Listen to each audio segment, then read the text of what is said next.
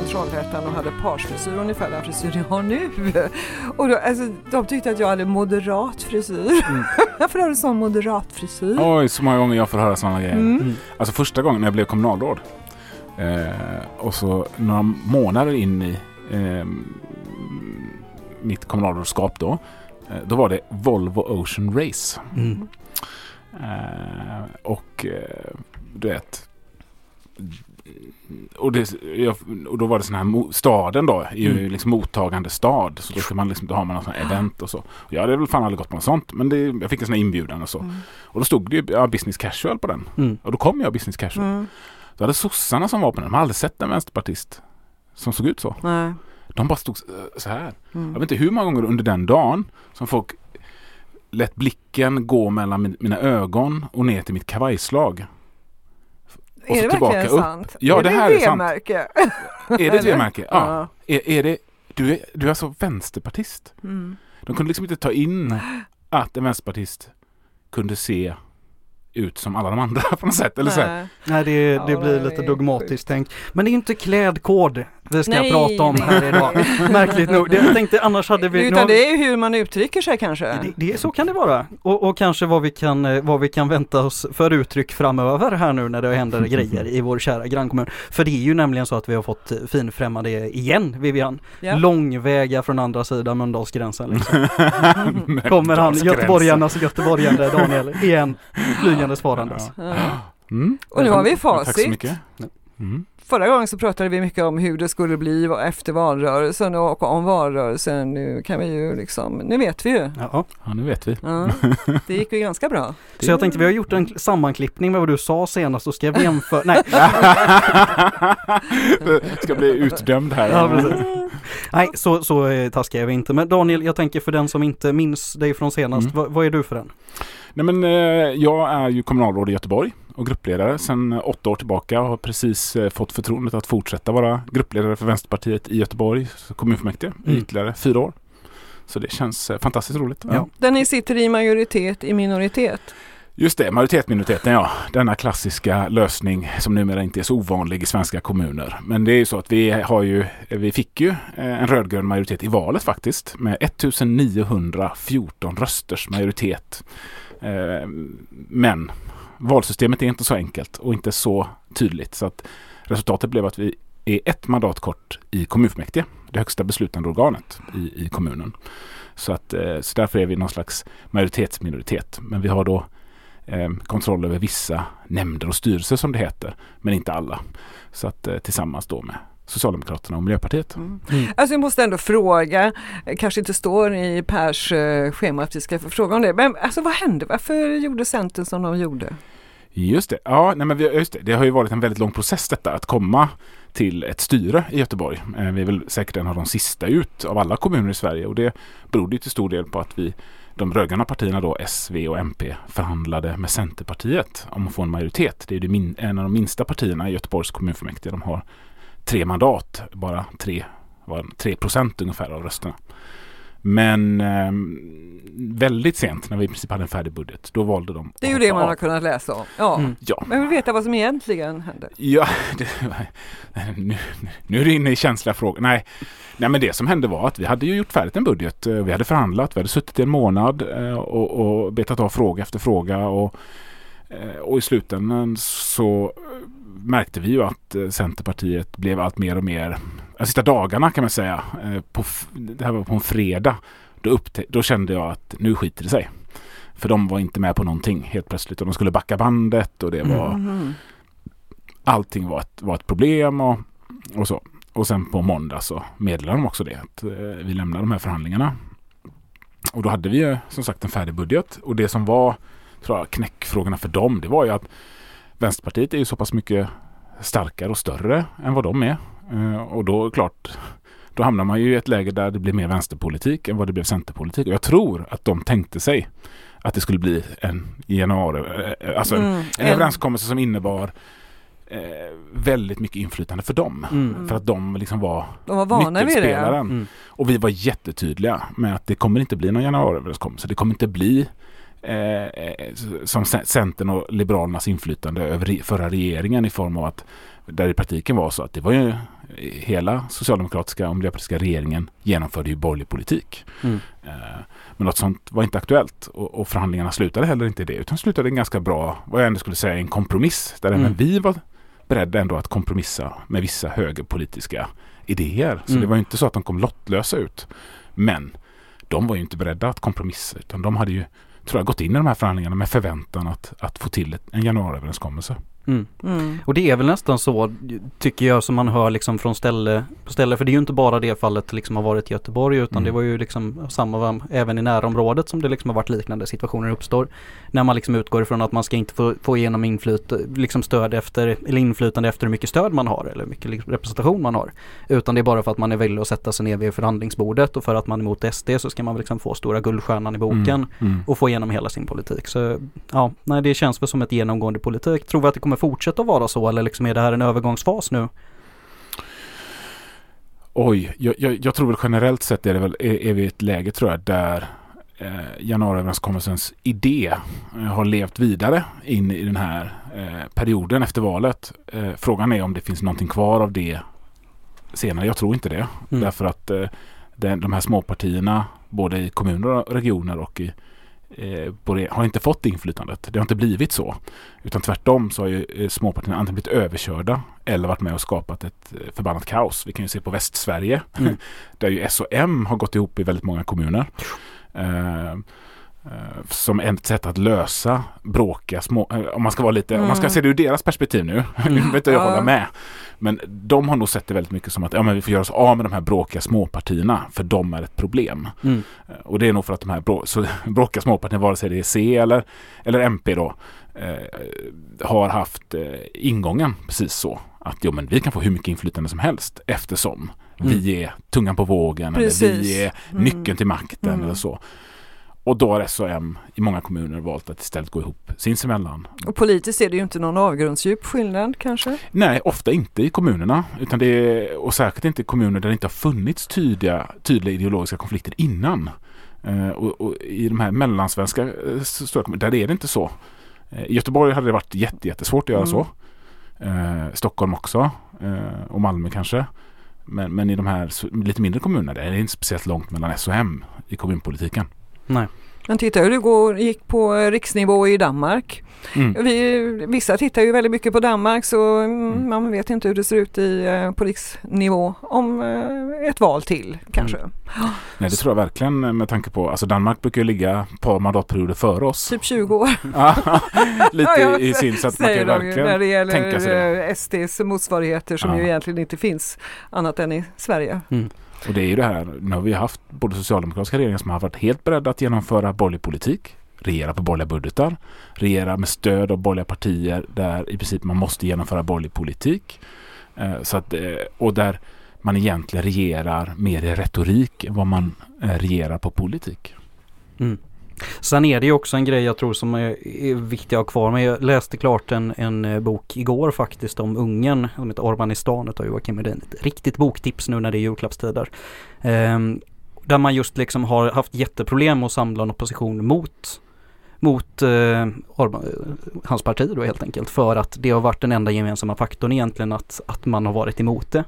Eh, sen finns det ju jättemycket, det är ett otroligt invecklat politiskt system där man har jättestora politiska slitningar och haft en jättestor korruption som har slagit sönder oppositionen till stora delar. Men det finns fortfarande liksom en, en gemensam nämnare i att den enda egentligen gemensamma nämnaren för de här partierna är att de är emot någonting. Och det är lite grann just samarbete mellan C och V som i många frågor är varandras totala motsats eh, så är det ju svårt att bygga ett fungerande långsiktigt samarbete. Och framförallt när, när det i i kanske framförallt Centerpartiets själ finns ett så liksom inrotat motstånd mot Vänsterpartiet som är den stora fienden liksom har varit i, i Men, generationer. Ja, jo, det har det väl. Men alltså jag uppfattar Centers motstånd mot oss är väl ändå av ekonomisk natur.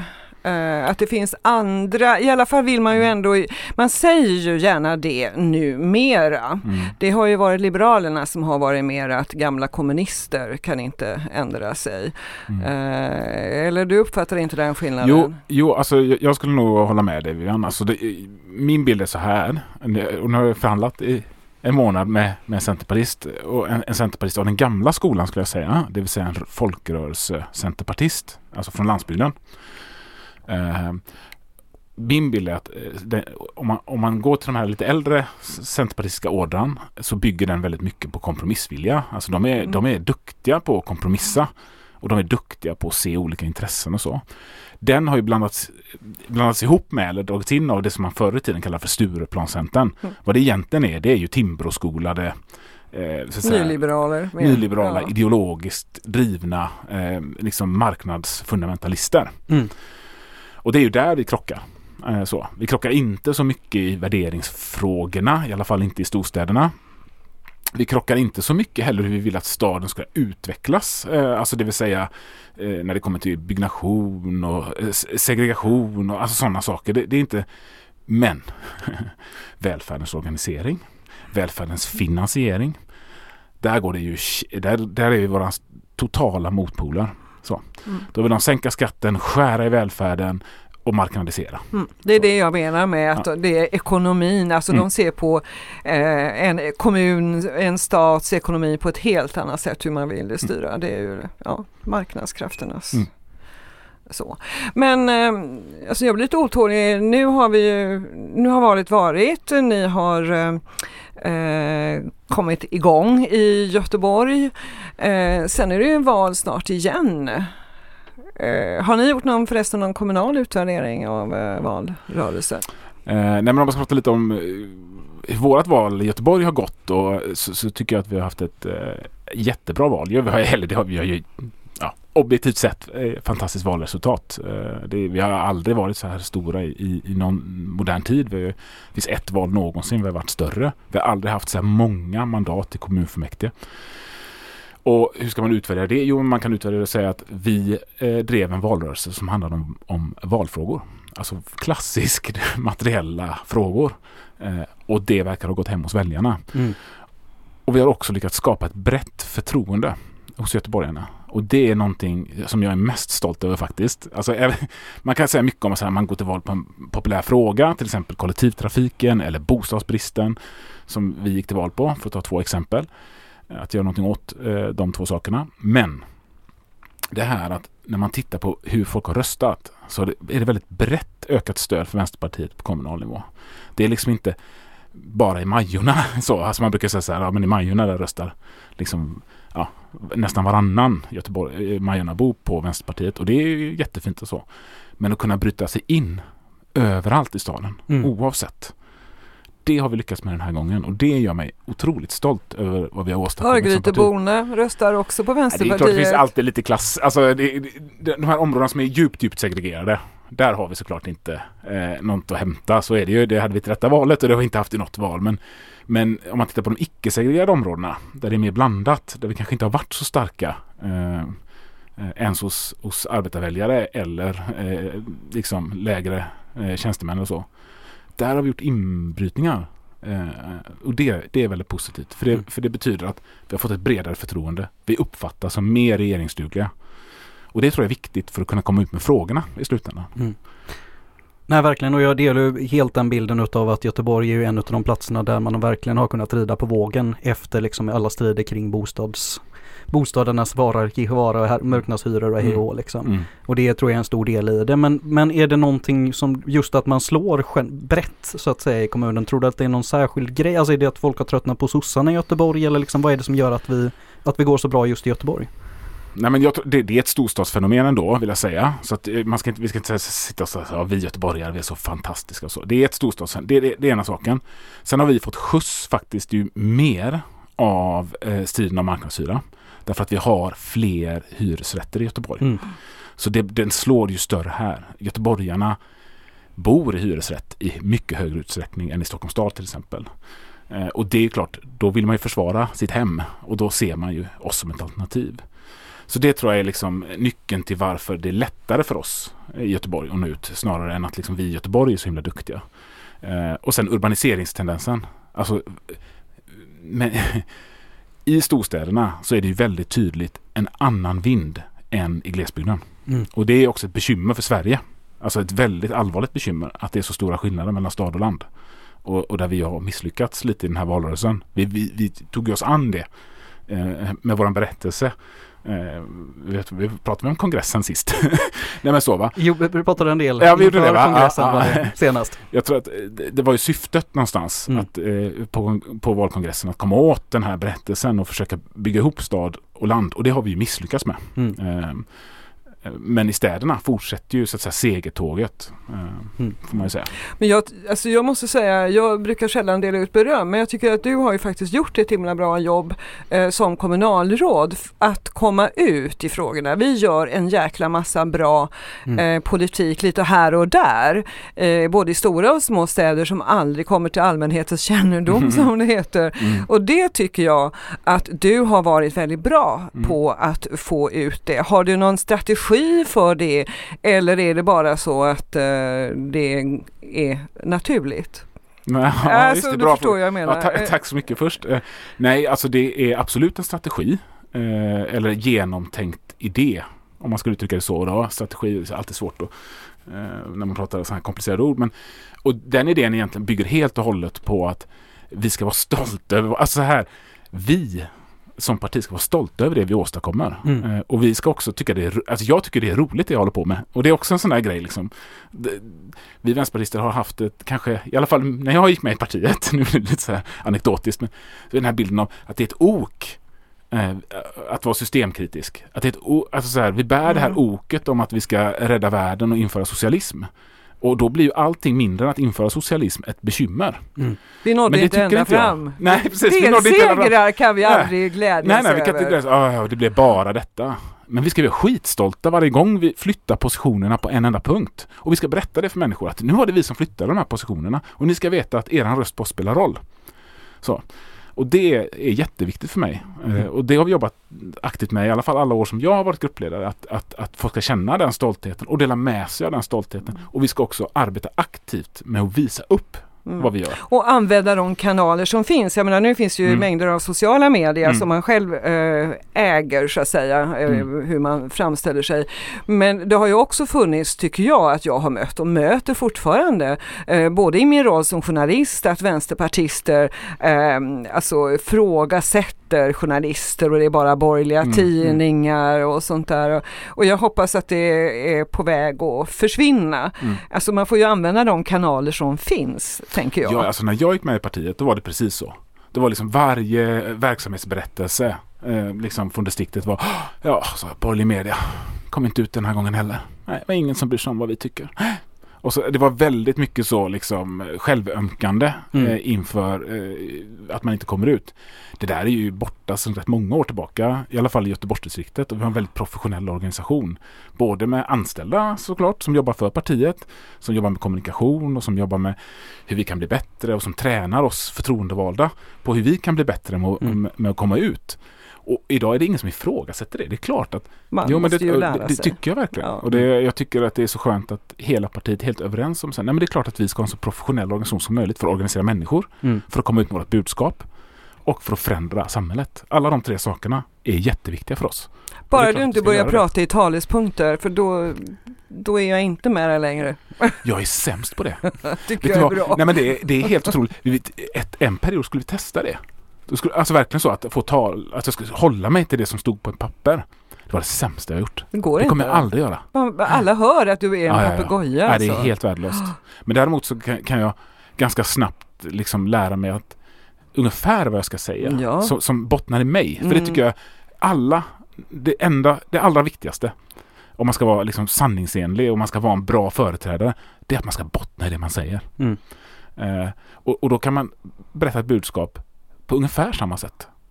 Så, det är det viktiga. Det, det tycker jag ändå var det bästa med hela, om man ska säga, apropå kongressen och eh, vårt budskap, att, så här, berättelsen. Jo men, du ska bottna i den berättelsen. Och är det bara en berättelse, eller bara, är det en bredare berättelse, då finns det alltid något för dig i den som du kan hämta Mm. och som, som du kan bygga den berättelsen på. Mm.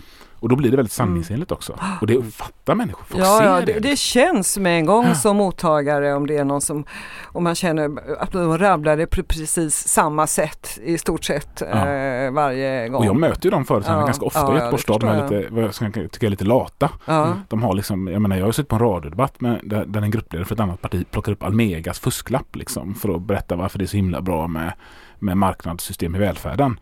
Och jag menar, det märks ju. Det märks ju direkt. Då är man i ju den köpt diskussionen. om man inte ens kan argumenten tänker jag. Ja, ja visst. Nej men så är det ju.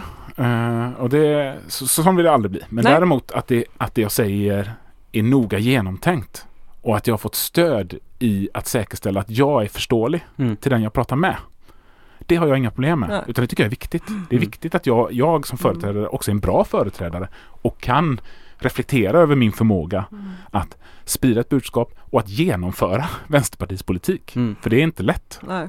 Och att man också svarar på den fråga som en reporter till exempel vill ha svar på eller Mm. säger att man inte kan svara Mm. och inte upprepar ett mantra som man har lärt sig. Mm. För det, alltså, det är ju på jättehög nivå så gör man ju det och det blir ju bara komiskt. Det är man tror att folk är dumma som inte inte förstår det. Nej men det har du ju aldrig gjort vad jag vet och det kommer du aldrig att göra heller naturligtvis. Innan, innan vi trillar in ännu mer i eh, vad vi ska göra framåt och så att säga och vad kanske i stort som, som Vänsterpartiet eh, kan hitta på och tänkas göra så tänkte jag att vi ska återvända lite grann till Göteborg och just liksom vad vi kan räkna händer där förutom effektivare kommunikation. Eh, vad, Mm. vad kan vi se fram emot på den här mandatperioden när vi har ett kanske lite mer delikat läge än vad vi trodde att vi hade från början? Mm. Nej men alltså, det vi, det, vi har ju gått till val på några viktiga frågor och de kommer vi driva igenom. Och det är ju att vi ska ha en billigare kollektivtrafik i Göteborg. Eh, Så det kommer vi driva igenom. Eh, Och vi kommer se till att eh, planera och genomföra betydligt mycket mer bostadsbyggnation, framförallt lägenheter, inklusive tillfälliga lägenheter, för att få ner bostadsbristen. Mm. Nu är vi i ett jättedåligt ekonomiskt läge för det. Så vi kanske, det kanske blir fokus på att planera bostäder som byggs 2025, 2026. Mm. Så. Men, men, men hellre det än ingenting. För borgarna har ju dratt i handbromsen. Så där har vi ett jättebekymmer. Och sen är det välfärden. Och det är att trygga välfärden för alla medarbetare. Vi har 50 000 anställda i Göteborg som sliter. Eh, och då behöver de resurser. De behöver fler kollegor. De behöver läroböcker som jag pratade med en på igår om. Eh, de har inte råd med läroböcker i skolan. Det behöver vi lösa. Eh, och därför redan i den här budgeten så lägger ju vi en uppräkning på 6% på alla verksamheter. Mm. För 6% är vad inflationen slår mot kommunala verksamheter. Så att vi säkerställer att vi inte har en sån här smygnedskärning. För det är det vanligaste sättet att skära ner i en kommun. Att man effektiviserar. Mm. Ja, man kallar det för effektiviseringsfaktor. Eh, faktor, är ett vanligt begrepp. Och det är att man helt enkelt inte räknar upp att lönen ökar. Man räknar inte upp att eh, saker man köper in ökar i pris varje år. Eh, men vi har, vi har i alla fall lovat oss att den här mandatperioden ska vi inte, vi ska inte göra några sådana smygnedskärningar. Och vi ska medvetet fokusera på att göra olika satsningar inom olika sektorer. Så en av de sakerna vi gör denna budgeten det är att satsa på idrott, ett rejält idrottslyft. Föreningslivet. För att säkerställa att vi får ut föreningslivet och ett fungerande föreningsliv i förorterna till exempel. För det har varit ett jättebekymmer idag. Att vi inte har ett fungerande föreningsliv. Mm. Så där har vi avsatt rätt mycket pengar. Och vi ska dessutom jobba rätt mycket med personalfrågan. För nu är det så här att vi befinner oss i ett läge där det är svårt att rekrytera till välfärden. Därför att arbetsvillkoren är så dåliga, lönerna är så låga. Eh, och då måste vi tackla båda de sakerna. Och, och vi har ju nu, eh, det är Marie Brynolfsson, en kollega till mig, som kommer vara ansvarig för personalfrågorna. Och det, det hon kommer få förmånen att jobba med, det är att jobba med arbetstidsförkortningsprojekt i framförallt förskolan där rekryteringsproblematiken är enorm. Särskilt på förskollärarsidan. Eh, så där, det ja, nu, nu kan jag prata hur länge som helst om vad vi ska Mm, genomföra i det- Göteborg. Ja, men jag Det här är några ja, exempel ja, på- Jag undrar Mm. fortfarande hur mycket ska det kosta att åka eh, kommunalt i Göteborg då? Mm. 35 spänn kostar en enkel biljett idag. Vad ska den kosta? Ja, vårat, eh, det som vi i kommunen, efter, nu för, för alla lyssnare är det så att det är ju en regional fråga igen. Så det är regionen som styr kollektivtrafiken. Det vi kan göra det är att göra så kallade tillköp där vi då går in och subventionerar Göteborgs eh, kollektivtrafikåkares pris. Då. Och det vi vill göra det är framförallt att fokusera på periodbiljetterna. Alltså månadskorten, kvartalskorten, ja, när man köper, eh, åker kollektivt kontinuerligt.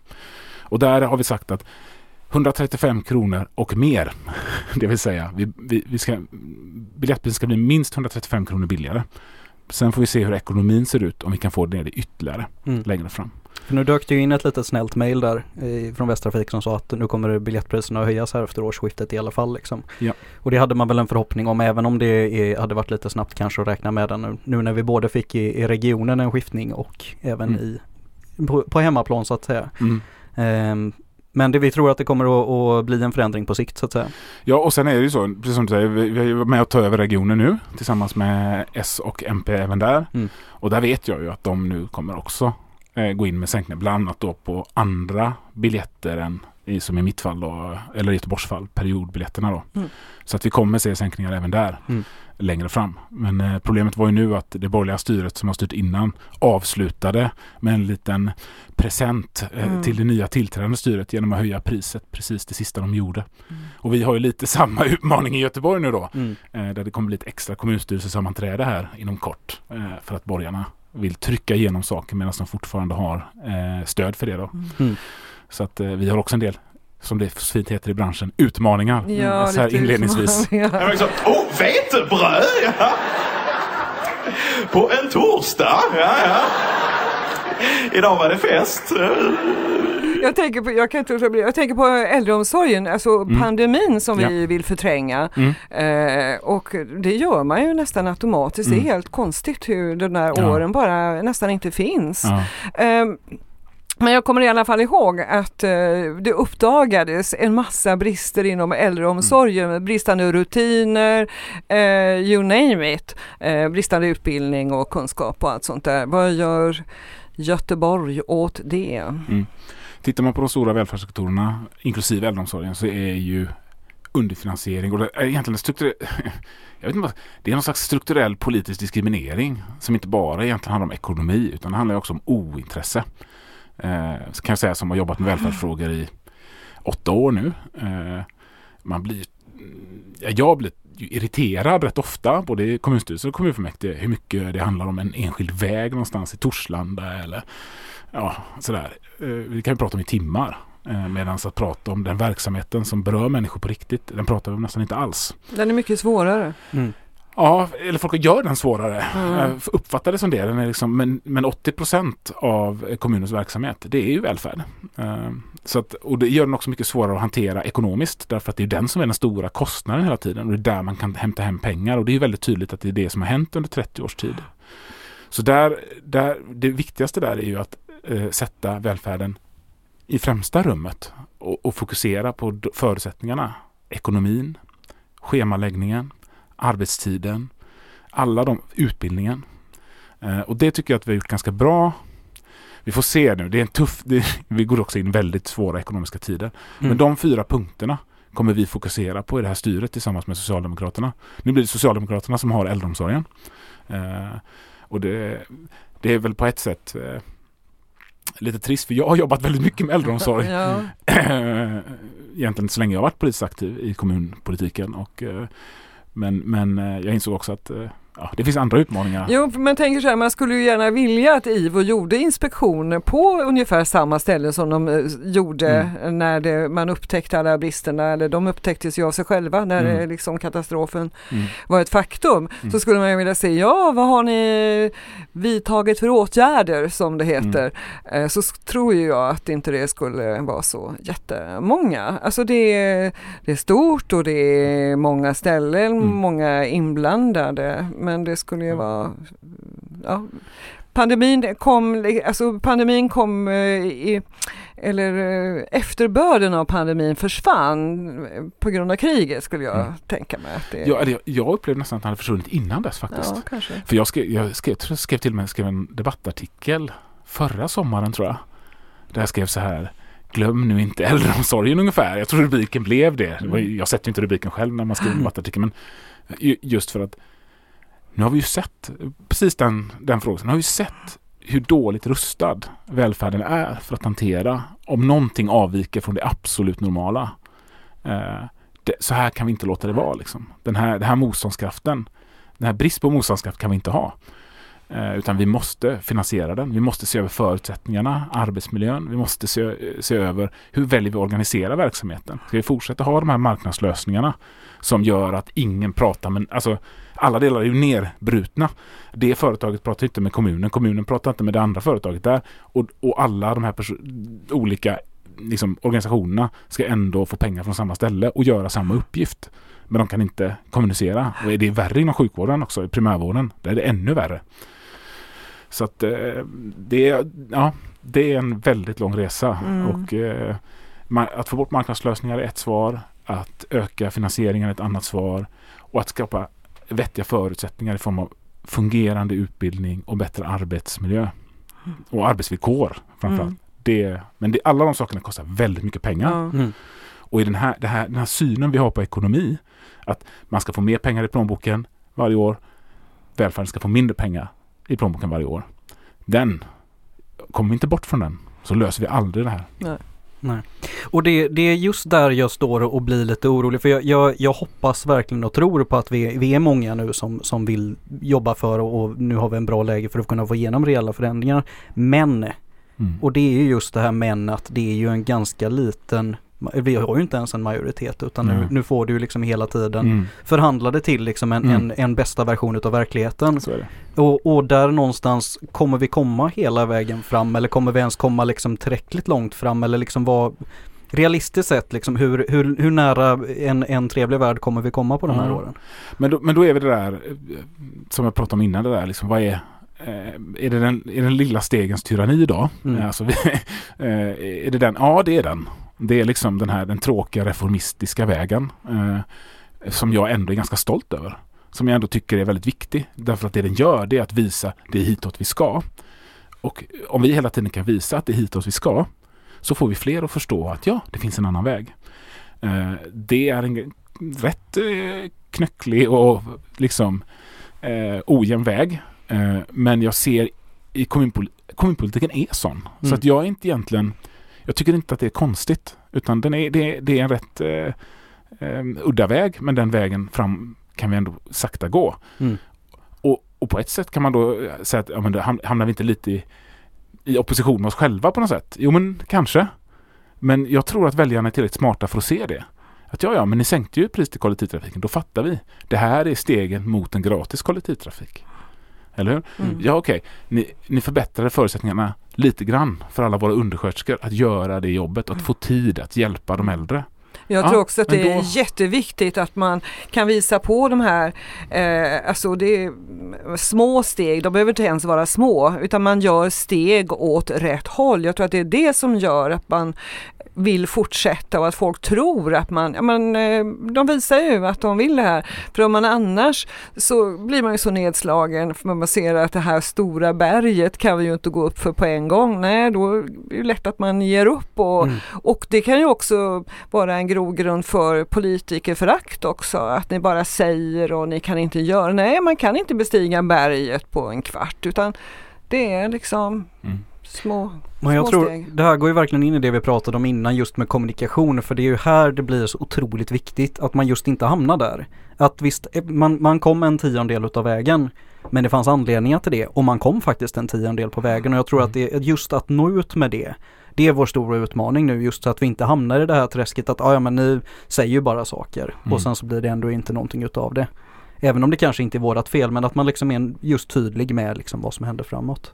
Men en, en sak som jag tänkte att vi skulle ta upp och prata lite grann om idag det är just den här skillnaden som har blivit nu i Göteborg att man har gått från att vara ett oppositionsparti till att bli ett styrande parti. Och det är väl lite grann den, eh, vad är Vänsterpartiet? Är vi ett oppositionsparti eller ett styrande parti? Jag, ty jag tycker inte vi är något av det. Alltså vi är ett parti. Uh, och jag, jag har varit i opposition jag har varit i styre.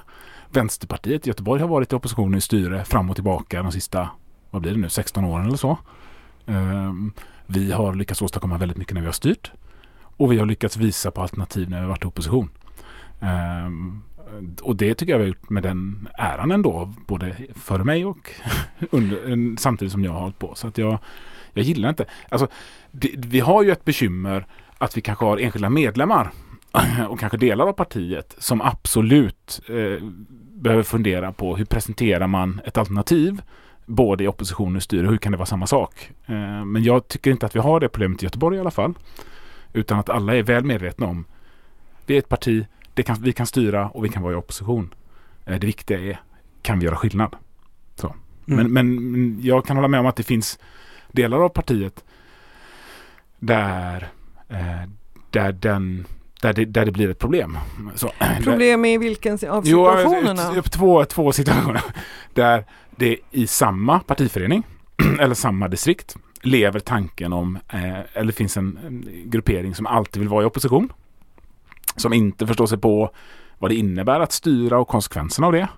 Eh, hur man kan föra sig och inte föra sig. Och som också kanske befinner sig i någon slags, ibland ofta då en uppdelning mellan de som är eh, parlamentariker eller förtroendevalda i en kommunal eller regional församling och de andra medlemmarna där man, har, där man väljer att skapa en klyfta. Så det har funnits i perioder i Göteborg också. Känner det har väldigt stora klyftor mellan mm. de som har varit eh, folkrörelseaktiva och de som har varit parlamentariskt aktiva. Jag upplever inte att vi har det i Göteborg nu. Jag vet att vi har haft det ibland historiskt. Men eh, utan att vi är en och samma. Och vi går tillsammans både i opposition och majoritet. Eh, samma sak kan man väl säga om partiet generellt sett runt om i landet. Att det, det finns ju de som eh, tycker att just deras fråga är så viktig att det är den som bestämmer om vi, var vi ska vara någonstans politiskt. Om vi ska vara på den styrande sidan eller den, den eh, så att säga, oppositionella sidan. Det upplever jag väl kanske att fler, i alla fall i storstäderna, fler har lämnat det tänket. Mm. Att det är just min fråga som är det viktiga. Och det är just här, liksom, det är utrikespolitiken. Får vi inte den här frågan, då, då, då ska vi stå på torg, gator och torg och slåss för det och aldrig vara delaktiga i, de, i, i att styra någonting eller ta, ta ansvar för någonting. Ehm, det tycker jag är en dålig idé, en dålig strategi. Så. Eh, ett parti måste vara bred, det måste vara en bred rörelse. Och med det så betyder det också att vi inte alltid kommer få allt vi vill. Mm. Eh, och i kommun, kommer man från kommunpolitiken så är det självklart. Därför att i kommunpolitiken är det omöjligt att få allt man vill. Därför att man också har en riksdag och regering som inte ger en förutsättningar för det, för det som man egentligen vill åstadkomma. Eh, men, men man kan alltid peka i vilken riktning och alltid peka vad målet är. Mm. Ja, så, så ser jag väl på det. Mm. Det var ju jag väldigt tänker det en, en, en övergång här nu till just partiets valanalys. Det är ju just den, det faktumet att man tycker att en del medlemmar har och företrädare har haft en, en negativ opposition som har påverkat partiet negativt så att säga i opinionen. Mm. Är det en bild som du håller med om och delar också då? Om vi tänker på en riksnivå nu då. Ja. Kanske är det nu jag ska utdela kritik till alla? det är min grej. Slå på dem bara, jävlarna. Nej men det ska jag inte göra. Men eh, jo, lite. Eh, nej men det är klart att det, är, det, det, blev, inte, det blir inte bra när, när man eh, gör så. Därför att så Vänsterpartiet har lite behov av att, vi och Liberalerna delar faktiskt ett mm. problem där. Att media har bilden av oss som splittrade partier. Mm. Och det gör att media också letar efter var är splittringen? Alltså det är det första jag vet inte hur många gånger jag har blivit uppringd. Ja men alltså Katarina Barling som har följt både Vänsterpartiet och eh, Liberalerna och delvis under min tid när jag satt i riksdagen. Hon, alltså det är ju inte bara hon först men jag menar hon, hon befäster ju det i sin forskning att Liberalerna och Vänsterpartiet är ju de som är mest lika och vi är de mesta värsta individualisterna. Så att visst, det är helt, eh, jag håller helt med i din tolkning av, av detta. Så det är klart att man letar Mm. Men ska det inte få finnas eh, olika uppfattningar? Jo, jo. Det, det, ska det få finnas. Sen handlar det om hur man presenterar det tänker jag. Och på vilket sätt. Jag vet inte hur många gånger jag blivit uppringd av media. Eh, I olika, när det händer något i Stockholm. Vad tycker ni i Göteborg? jag är kommunalråd. Det är inte min uppgift. Eh, alltså, det, ibland säger jag faktiskt det rätt ut. Så här, det är inte min uppgift att svara på. Du får prata med partistyrelsen eller, part, eller distriktsordföranden. Mm. Det här är inte, jag kommenterar inte partiinterna saker. Och ibland svarar jag och då svarar jag ganska ska jag kalla det för mediatränat då, ett icke-svar på frågan så att de inte ens blir intressant. Så i nio fall av tio så eh, skriver de ingenting av vad jag har sagt. Mm. Eh, därför att jag liksom också inser att det här är inte min funktion. Mm. Jag är kommunalråd i Göteborg och det är det jag ska... Och där kan vi bli bättre tillsammans. För jag kan tycka någonting. Men inte min sak att, att, eh, som kommunalråd i Göteborg och tycka något om partistyrelsen eller tycka något om riksdagsgruppen. Det är faktiskt någon annans uppgift. Så. Och det tycker jag är viktigt. Det kan vi bli, där kan vi bli bättre. Tycker mm. jag. Men det handlar ju om valanalysen.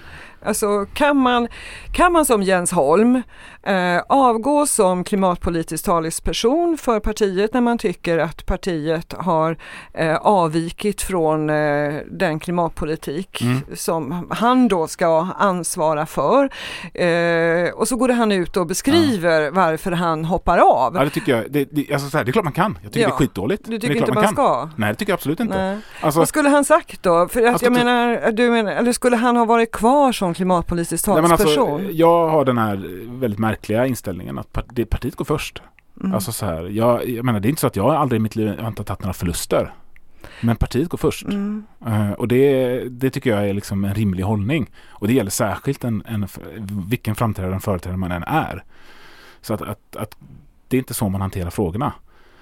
Så, jag hade inte gjort så. Jag Nej, jag, jag, jag funderar över vad som är partiet. Är det klimatpolitiken som är beslutad om av partistyrelsen eller kongressen som är det viktigaste? Eller är det de som, ja ytterst företräder ju naturligtvis partiledaren partiet, åtminstone ja, Mm. utåt. Mm. Eh, nej, men jag tycker det är en knev, knepig fråga, alltså det är ju en mm. samhällsfråga för Jens också. eh, som eh, känner att han inte kan i valrörelsen stå, eh, stå för den nya klimatpolitik som han tyckte då att partiets företrädare hade. Ska Mm. man liksom glida ner i fåtöljen och liksom bara dra sig tillbaka Ja. då? Om man, Det om, tycker ja, du? det tycker Ja, jag. Om man nu verkligen inte ska stå, kan stå Ja. för den eh, parti som poli, eller den liksom politik som partiet eh, har valt att välja. Ja, det Mm. tycker jag man ska göra då. Ja. Det, det ska jag vara ärlig med att säga. Mm. Att det tycker jag. Och det hoppas jag att, eh, om, om jag, att någon håller mig vid de orden om jag någon gång skulle svika från det.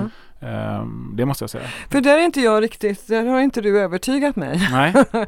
Därför att jag tänker att ehm, eh, som jag känner Jens så Mm. är han ju, alltså han är verkligen dedikerad till sitt uppdrag. Har Mm. ju varit det långt innan han blev riksdagsledamot och sådär. Och att det är partiets politik eh, i den frågan är så viktig för honom. Mm. Eh, och då smärtar det förstås honom att se att eh, partiet för en politik som är i motsatt riktning som han tycker. Ja.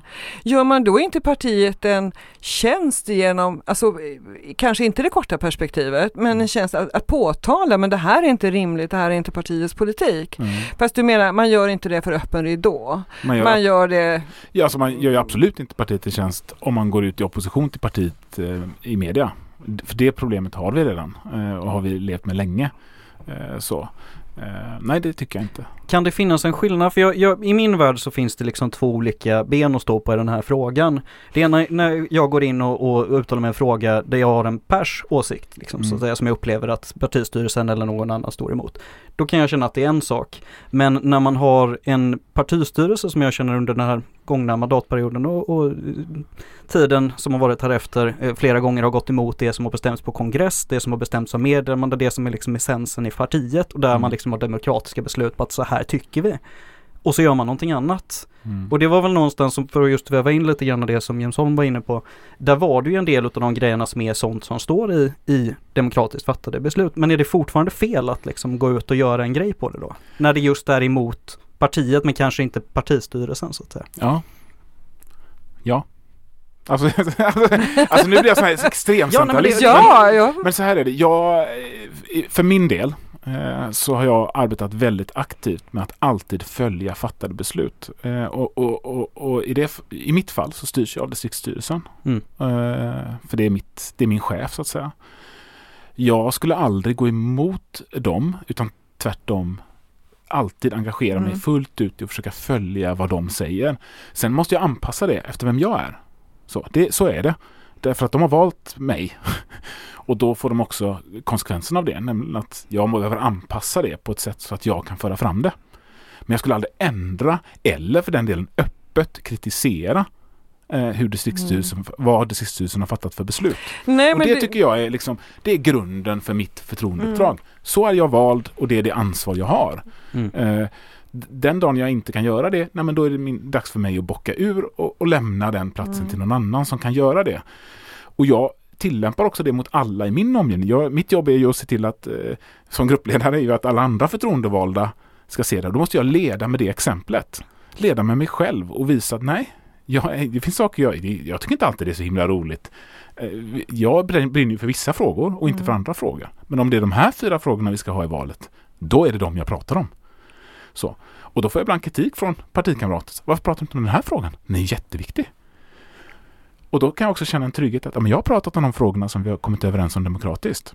Så, mm. så det är också ett sätt att hantera mm. det här problemet som vi ibland har i vårt parti, samvetsfrågan, nämligen att alla frågor är viktiga för just den personen och den personen. Alltså, ja, jo, nej, men är... jag, jag håller med. Men, men alltså just i det här fallet så har det väl varit så att eh, Jens Holm har ju bara, alltså han har ju fört sin politik på grundval av kongressen fattade beslut. Och sen så kommer då en valrörelse eller man liksom pytsar ut annat så där kan jag tycka att det är inte så himla solklart, men jag vet ju det. Det är klart att om man eh, tvättar en byk offentligt eh, för ett parti, att det inte gagnar partiet. I alla mm. fall inte på kort sikt gör det ju inte det. Sen eh, kan vi ju älska när Liberalerna eller någon annan eh, gör det. Men det är ju inte, det gör det kanske inte, men på längre sikt. Ah, uh, det är svårt. Jag tycker nog ändå. Ja, jag tycker det är ganska lätt. Nej. Jag, jag, jag, alltså, någonstans, jag, jag hör dig Daniel och jag kan också känna att när man sitter på ett, ett förtroendeuppdrag och man är framröstad och man är vald då har man liksom en, en, en, då har man ett ansvar att foga sig efter majoritetsbeslutet och det är liksom det som gäller. Mm. Utan det jag är ute och far efter här det är ju just när man har någon som agerar mot demokratiskt fattade majoritetsbeslut mm. som är inom partiet. Så att när liksom en del av partiet eller en, en partiföreträdare går emot det som är demokratiskt fattat. Men då, men då har vi ett internt system för att hantera det. Då ska de röstas bort. Det, det, det, och, då, och då sköter man det. Jag kan också agera som medlem. Mm. Men det gör jag aldrig offentligt. Alltså som medlem i Vänsterpartiet, alltså, eftersom jag har den rollen jag har så agerar jag aldrig som medlem offentligt. Mm. Utan det gör jag i organisationen. Så då är jag också medlem och då, då får man ju agera för att lyfta bort de kamraterna som man inte längre har förtroende för kan företräda partiets linje. Mm. Det, det är så jag ser att den här organisationen ska fungera. Mm. Men om jag lyfter in bara ett exempel från ett annat parti. Nu har vi pratat mycket om Socialdemokraterna men jag tänker ett positivt eh, exempel på just intern opposition. Det är ju liksom Daniel Sorensen och Reformisterna som har fått en jäkla massa ljus på Socialdemokraterna. Har fått med sig mycket väljare bakom sig och fått, liksom, fått upp en opposition, opinion för liksom klassiska socialdemokratiska värderingar och fått mycket genomslag för det. Mm. Hade en liknande rörelse kunnat vara positiv för Vänsterpartiet eller är det fortfarande någonting som liksom, det är inte bra, inte gör, bra att göra på det sättet? Nej, det är absolut inte bra för Vänsterpartiet. En helt annan partikultur. Eh, och det skulle skapa eh, öppna konflikter på ett sätt som det inte gör inom socialdemokratin. Därför att inom socialdemokratin är de en pysventil som mm. ingen seriös maktspelare i socialdemokratin behöver ta, bry sig om.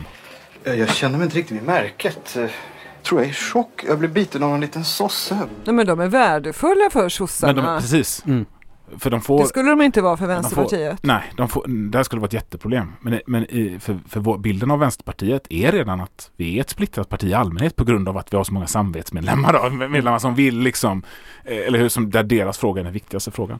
Medan inom socialdemokratin är ju, är ju, upp, är ju den allmänna uppfattningen att socialdemokratin är en maktmaskin. Att det är det viktigaste. Och det är det fortfarande. Men då har de den här pysventilen där människor faktiskt tycker och står upp för vad som en gång var socialdemokratin. Som, mm.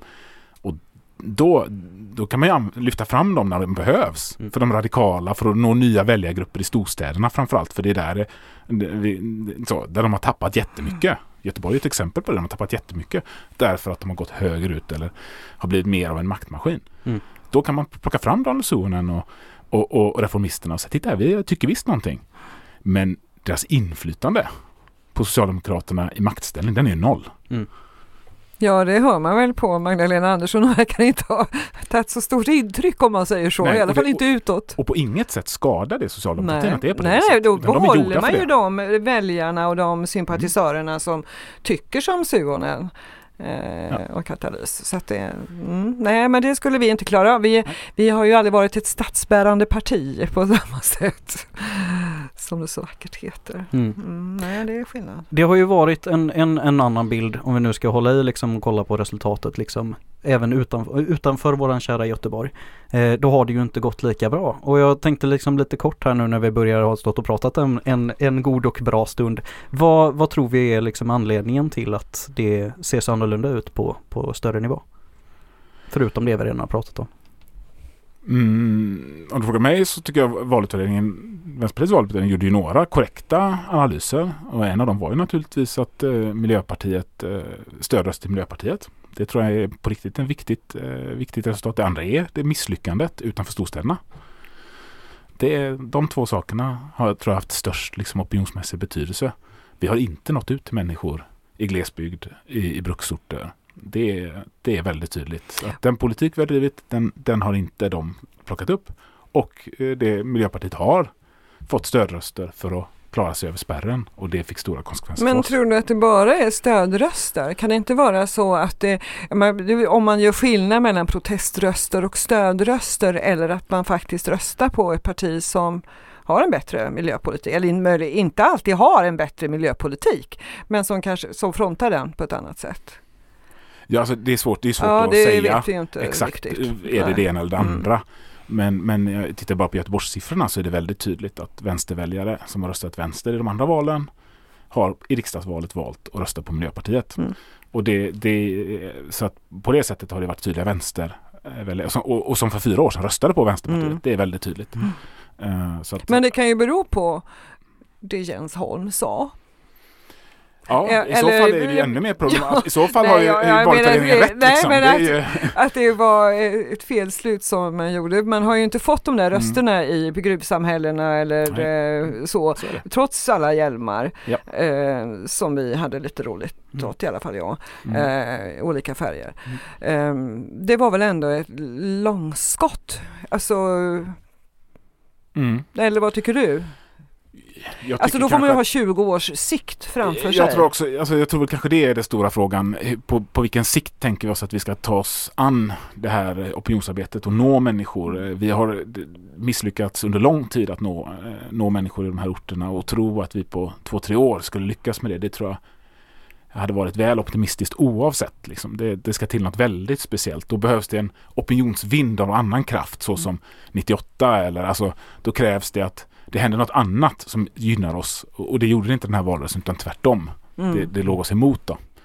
Så att eh, ja, nej det, det, det är nog en mycket längre resa. Är det här rätt strategi det vi har gjort den här valrörelsen?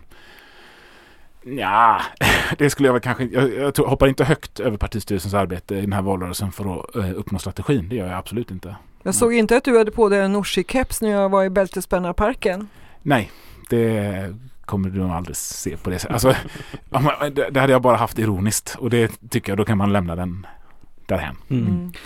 Jag tror det här med just stödrösterna till MP, för det, det är ju ett faktum att det, det är en stor del av förklaringen och vi hade, nu skjuter jag från minnet, men jag vill minnas 27 procent utav de som taktikröstade kom just från Vänsterpartiet och la sin röst på Miljöpartiet och det är ju fruktansvärt högre siffra. Men det som är den stora intressanta frågan för min del när man kollar på val, det är ju att så många, det är nästan dubbelt så många som gick till MP istället gick till S. Och där tänkte jag att vi kan gå in och, och, och beta lite grann i vad vi tror att det beror på. Som gick från V Från, som har röstat på V tidigare som nu röstade på Det är Socialdemokraterna. för mig helt obegripligt. Det är nästan 22 procent utav de som röstade 20, eller det var 22 procent utav de som röstade 2018 som istället röstade på Socialdemokraterna i valet nu. Och det tror jag beror till stor del på att det här eh, gjordes till ett val mellan två statsministerkandidater. Och eh, Magdalena Andersson hade en väldigt hög popularitetssiffra. Eh, och socialdemokratin är vana vid och bättre på att göra saker till en personfråga. Därför att det är en strategi och för första gången på väldigt länge hade Socialdemokraterna en partiordförande som uppfattades som karismatisk. Det, jag tror inte det kommer hålla i sig. Men hon uppfattade så i valrörelsen. Mm. Eh, och eh, det, så uppfattades inte Nooshi. Så, det är min, mitt svar på det. Så det tror jag är skälet. Delar du den analysen Vera? Alltså varför folk gick till S? Mm. Ja för mig är det ju då lite obegripligt. Men eh, det är mer obegripligt än om man går och tar, lägger sin röst på Miljöpartiet om man är miljö eh, medveten så att säga. Ja, nej men Magdalena Andersson hon fick ju helt ganska oförklarligt, men man kände, jag kände ju själv att jag, alltså i början när hon var ekonomisk, eh, alltså ekonomisk politisk talesperson började väl först och sen när hon blev eh, minister, ekonom, vad heter det? Finansminister. Finansminister heter det ju.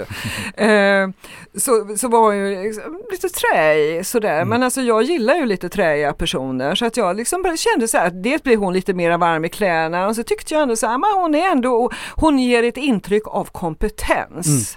Och det är det som folk föll för.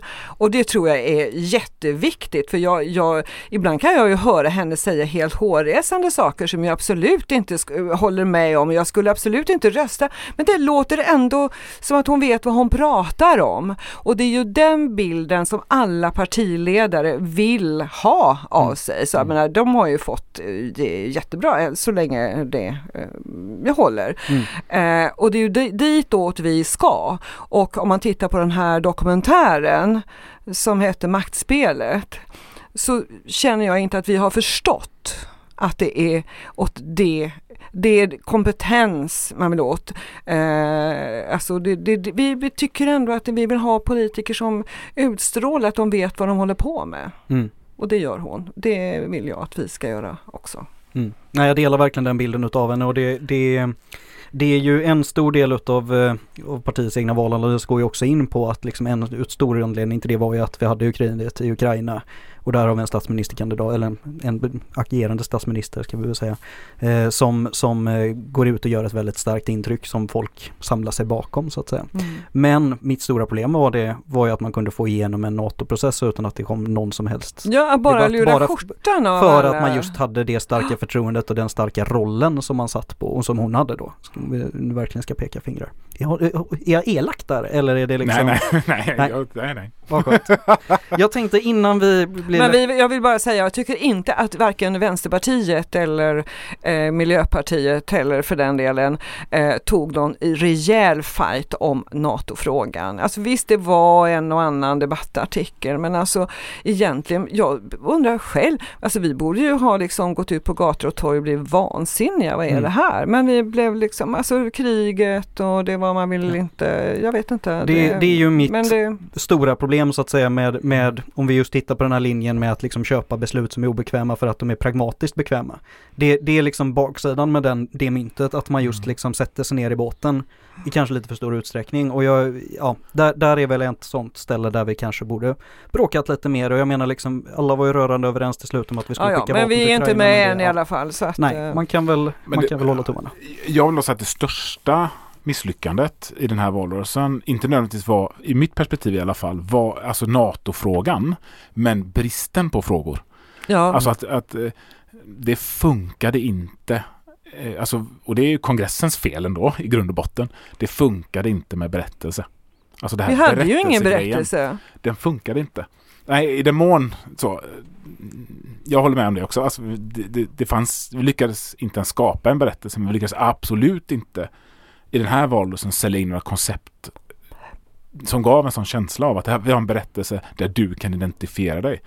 Och Vänsterpartiets väljare, för, för, det, var, och det, för det var ett risktagande vi gjorde, eh, den kongressen gjorde. För att Vänsterpartiets väljare, det är de väljarna som i första hand röstar på sakfrågor. Alltså specifika sakfrågor. Att man står upp för saker. Eh, och den här valrörelsen var det väldigt få sakfrågor. Och även Vänsterpartiet var dåliga på sakfrågor. Medvetet. Det var ett strategiskt val i tron om att vi inte skulle tappa väljare om vi gjorde så. I tron om att våra väljare stod kvar. Men det gjorde de inte riktigt. Och det tror jag, sakfrågor, bristen på sakfrågor. Mm. Mm. Jo, var för, ett ja, som jag ser det. så, man lämnade miljöpolitiken och ersatte, alltså därför man ville ha de här andra väljarna i bruks, gamla brukssamhällen. Mm. Men man kan ju aldrig välja, eller välja att skippa några väljare. Då, se, då är man inte sedd, har man ingen fråga så finns man ju liksom inte. Och då behöver man inte ha den först. Men det var ju som att det de där har vi i alla fall, men det har man ju inte. Man måste ändå Inte ha. så många. Nej. Alltså inte, Inte inte, tillräckligt. inte, inte de eh, procenten vi hade i förra valet. Mm. Utan då, då, då finns den här rörliga gruppen. Vi fick ju våra vanliga väljare. Men vi, fick inte, vi kunde inte behålla dem, den här gruppen som, som går på sakfrågorna. Mm. Det tror jag är, och, och som då är också rörliga mellan. Och vi kunde inte heller behålla, eftersom det då blev ett personval också. i väldigt hög utsträckning, eller hur? Mm. Valaffischerna var ju... Ja, ja, det var ett presidentval och vi köpte ju det med hull och hår. Att det är så vi ska genomföra den här valrörelsen. Och det förlorade vi. Mm. Vi hade inte en chans. Mm. Alltså, man kan ju inte låta bli att tänka på Trump med kepsen. Alltså, Nej, så, så är det Alltså, verkligen. Och det är väl just en anspelning på det, vilket är, jag i sig är lite märkligt. ingenting. Men jag, jag vill ändå återvända lite grann här, för jag, nu, nu blir det alltid när man, när man känner sig träffad så, så då, då, då drar man öronen åt sig direkt liksom. Eh, just att det är kongressens, eh, ja det ligger på kongressen helt enkelt. Är det, du tänker att vi köpte den bilden som presenterades? För det, jag, jag som satt med på kongressen vill ju, vill ju ändå hävda, och det bestämdaste, att vi var ganska många som, som inte riktigt tyckte att det var rätt linje. Om man säger så, utan som just ville ha kvar våra kärnfrågor och ville prata miljöpolitik. Det är väldigt mycket mer miljöpolitik till exempel, bara för att nämna en fråga, Mm. än vad det skulle varit från början och att man just inte ville tratta ner det där på, på det sättet som, som kanske Men då var kom från du, andra. tillhörde du en minoritet då? Eller? Ja, det var väl så i en del val. Ja, och då är det ju kongressens majoritet som bestämmer. Och kongressens majoritet och partistyrelsen var ändå i grunden helt på det klara med att det här, den här strategin är att vi går till val på en berättelse om att bygga ett starkare Sverige. Men då Så- måste man kunna svara på frågan hur? Ja, men och då kom ju svaret bland annat, eh, då valde ju partistyrelsen, och här kan man ju kritisera partistyrelsen för om man vill då, eh, eh, ganska luftiga frågor utöver Sverigepriser Mm. som var ganska konkret. Den var ganska bra. så, så var det ju ganska eh, inte så konkret om vi ska vara ärliga. Mm. Alltså även om vi tar miljöfrågorna då så var det ju 700 miljarder i, i liksom lån för att, ja, investeringar då. Mm. Eh, och det är, jag fick ju vippa till 200 000 fler anställda i offentlig sektor som vi hade en valrörelse som jag tyckte var katastrof. Alltså, att räkna antalet personer på det sättet, det är en problemformulering. Det är inte ett svar. så, eh, det, det gör ju, andra partier gör ju det när de problemformulerar. Mm. Eller hur? 700 000 människor i utanförskap, ja det är det. Mm. Alltså, då, för att få skapa stora, en känsla av storhet. hur? Och då försöker vi alltid göra det i svaret istället. Men vi har inte förtroende att använda så stor, sådana storheter i svaret. Förstår ni vad jag menar då? Mm. Mm. Det, måste, det, det, för att det kräver en regeringsduglighetsnivå som vi inte har uppnått riktigt. Som inte sa att, det- för det, det väljarna får ut är en känsla. Alltså 700 000 i utanförskap som, som borgarna, eller som Moderaterna var. De det låter ju jättemycket, det är ju en känsla av att Det utanförskapet är enormt. Ja, det spelar ingen roll sen om det visar sig att det där var lögn och det var bara 400 000. Det är ointressant. Eller hur? Mm. Utan det är känslan av storhet. Mm. Men vi kan inte sälja storheter på det sättet. Eller det, det är i alla fall svårt för oss att vinna storheter på det sättet. Med en känsla av, oh det här är så mycket att de måste vara bäst på miljöpolitik. Alltså förstår ni? Mm. Det, det går inte hem. Miljöpartiet kanske hade kunnat komma undan med det i den frågan. Men antagligen inte ens de. Mm. Så det, det, var lite ostrategiskt. Någonting som jag var väldigt glad efter det här valdokumentet, liksom valprogrammet som vi ändå tog fram, det var ju just att man äntligen börjar gå ut och utmana världsbilden som folk har utav att det är invandrarna som kostar, lösningen är alltid hårda straff. Alltså vi började gå på djupet och ge en annan förklaring. Sen tycker jag inte att den förklaringsmodellen fanns med i själva valrörelsearbetet i någon större utsträckning. Delar ni den analysen? Ja. Därför att eh, partistyrelsens val var att inte gå i konflikt. Mm. Och det var ett val de gjorde. Det, om det var rätt eller fel? Mm. Jag tror inte vi, vi jag, tror, jag vet inte om vi hade tjänat på att gå i hård konflikt med den, eh, med den linjen. Mm. Eh, men, jag vet inte, men vi tjänar definitivt inte på att inte ta konflikten heller. Nej. Alltså, så jag, jag, kan inte, jag kan inte säga om det är rätt eller fel. Men, men, men vi valde väldigt tydligt att inte gå i konflikt. I konflikt med vad? I med andra, och det gör vi ju inte nu heller om man Nej. tittar på en debatt nu, alltså gå i konflikt med den bilden av vad som är problemet i samhället.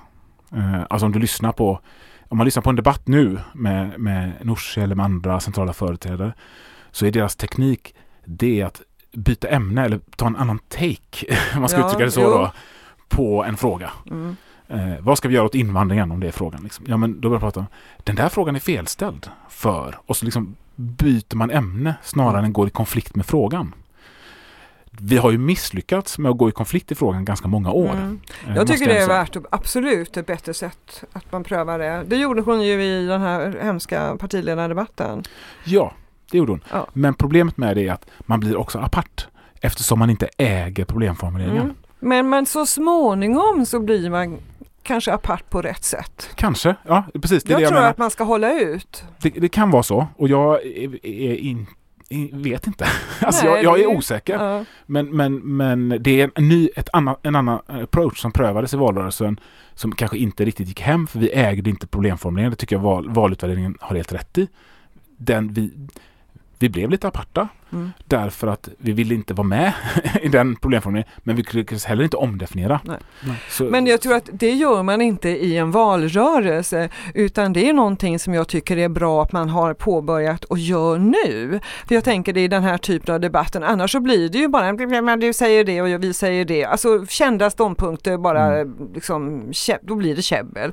Men om man vill byta till ta en annan take eh, så tror jag inte att man ska ge sig utan man ska hela tiden, vad är Vänsterpartiets typ två, tre viktigaste frågor? Det är de man hela tiden ska Men då är min, till. enda sättet att göra det, tror jag, Mm. utifrån en lokal liksom valkampanjsarbete, det är att vara jättetydligt kopplat till materiella frågor. Ja, ja, det väldigt, ska- väldigt, det måste vara mm. väldigt tydligt. Ja, Eh, halvera pris till kollektivtrafiken hade vi till exempel. Ja. Vad är det kopplat till? Klimatet? Rättvisa. Klimaträttvisa. Och så alltså, tar man nästa fråga, bostadsbristen. Vad är det kopplat till? Alltså, så att man har en, en väldigt tydlig materiell eh, fråga kopplad till en berättelse om vad vi vill förändra. mm. Eh, för då fastnar det hos människor. Det fastnar inte hos människor om man bara har en berättelse. I alla Nej. fall inte i vår, för, vår, för vår del, för ett för litet parti då om man ska uttrycka det så, Mm. med för lite definitionsförmåga. Så. Och sen måste man tjata. Mm. Och det, det håller jag med dig om. Det, det tar tid. ja, det tar tid. Tid. Och det är därför man sällan håller ut, för man vill ha omedelbar utdelning på det. Ah, fasen, jag har ju sagt det här 10-20 gånger nu och folk fattar ju fan inte. Nej, det tar längre tid. Man måste bli identifierad med dem. De ska tänka det när de ser Daniel. Ska de tänka liksom så här, bostäder, bra bostäder eller någonting. Det är ju lite så. Mm. Eh, Så det tänker jag att om man orkar fortsätta med några bra Mm. sådana. Det tror jag också. Man måste hålla ut väldigt, väldigt länge. Mm. Och man kan inte gå in i en valrörelse och tro att saker ska förändras i en valrörelse. Utan Nej. man ska hålla på i flera år.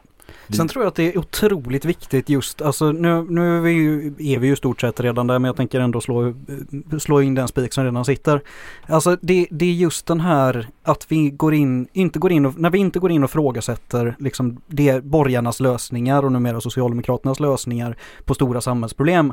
Utan det, man behöver liksom inte gå in och säga att nej men det är inget problem med brottslighet. Men vi har ju en annan förklaringsmodell varför det är brottslighet. Att det liksom beror på en ökad ojämlikhet och det är ju väldigt lätt att göra gör, ta debatten om brottslighet men och, och få den att handla om materiella och, och ojämlikhet liksom, alltså för att det är det som enligt vår förklaringsmodell den, by- den bygger och beror Men skulle på. du säga att det är lätt? Det skulle inte jag säga. Jag Jag skulle skulle, säga säga att att det är det svåraste för det tar lite längre tid. Alltså om du har 20 sekunder i Aktuellt. Jo, så jo, men, det men liksom, någonstans eh, när det inte så. kommer att hjälpa med att man har hö- höjt varenda straff i straffboken, när det istället kommer att blivit en värre brottslighet för att vi också har ökat ojämlikheten, då måste vi kunna stå i nästa valrörelse och säga att det var precis det här vi sa. Forskningen var oty- fruktansvärt tydlig med att det kommer inte bli bättre med höjda straff, för det, så funkar det inte.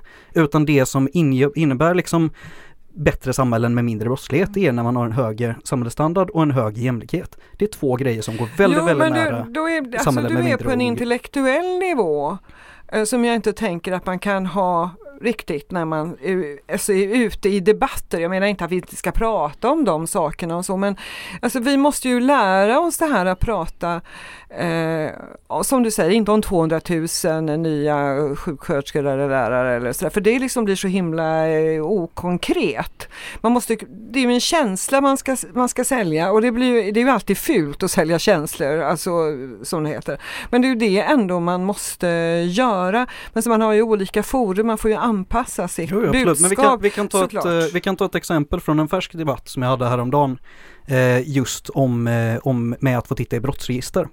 Det är en sån enkel Mm. grej som alla förstår. Får man kolla som arbetsgivare eller får man inte kolla i, i brottsregistret? Får man kolla i brottsregistret och du har någonting som står där, då får du inget jobb. Punkt. Vad har du att göra då? Jo, men då är det fortsätta med brottslig verksamhet. Det är liksom din, vad, vad ska du göra? Men alla arbetsgivare får ju inte lov eh, Nej, att men det är ju ganska godtyckligt med vilka som får och inte får titta i det. Nej, och under vilka förutsättningar. Alltså verkligheten är väl att alla får fråga. Alla får fråga. Och eh, då uppstår ju problemet att om man inte När du säger nej så vad gör du Ja. då? säger nej, Mm. eh, Mm. då räknas du bort. Mm. Eh, så. Ja, Det- det- det, det är ju någonstans... Jo men det är ju en, det är ju en enkel Så det är ju- det är ju ett- eh, så, det är ju Ja. enkla svar. Men jag, jag får nog ge, alltså det är rätt svårt alltså. Ja. Alltså när man kommer in i en debatt där alla har, där frå, till och med frågan är ställd utifrån ett specifikt perspektiv. Och du står där på scenen och du har 20 sekunder, eller du står där framför kameran och du har 20 sekunder att vända på detta. Hur ska du göra det då på ett sätt så att människor förstår vad du säger? Och in, du kan inte börja liksom, den långa redovisningen. För det är i alla fall inte, i de tillfällen jag har gjort det i valrörelsen så har det inte funnits de förutsättningarna. Det jag gör då det är att, ställa, det är att peka på prioriteringen. Okej, när vi har GP stora debatt till exempel, då hamnar jag i en sån debatt med, med, med, med en borgerlig företrädare. Och då, då var ju min linje att, jo men nu har ni satsat de här 50 miljonerna eh, på ordningsvakter som går runt där och till stora delar gör absolut ingenting. Och det kunde alla se som stod där. För att det stod ju folk, och de är, det här var ju människor som rörde sig i Nordstan. De vet ju att de här vakterna, de går ju mest runt och gör ingenting. Mm. Samtidigt som ni har skurit ner på de 32 mest utsatta skolorna i, Gö- i Göteborg med 200 tjänster. Så de 50 miljonerna, det hade varit 100 lärartjänster. Det är en prioritering som är fel. Liksom. Utan jag hade hellre lagt de pengarna på att ha fler lärare. Mm. Alltså man men vänder det på det precis- och det pekar är- på vad är det för prioritering Mm. det innebär med den värderingen. Mm. Då klickar det för Ja. människor. Det är min upplevelse i alla fall. Då applåderar folk liksom för att de fattar att okej, det är ju fan helt sjukt.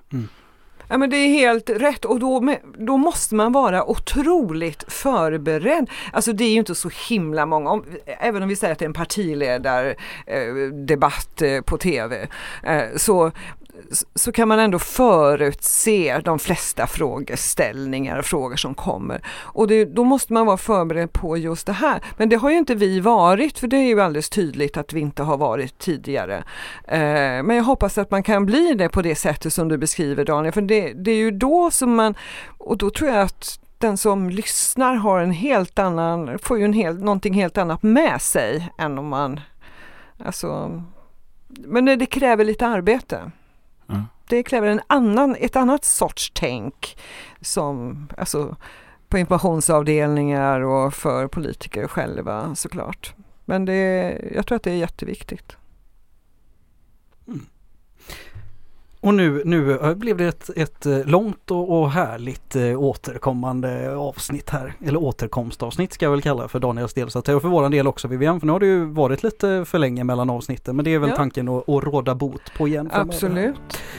Så att jättetack för att du tog dig hit Daniel. Och jag hoppas att vi syns igen. Ja, det hoppas jag också. Mm, jättekul att komma hit. Tack. Tack för idag kamrater. Det är att sakta paddla ner för Mölndalsån Dröja lite lyssnande till vattnets klunk Glida under pilarna bil och produceras av Hakuna Matata Produktion.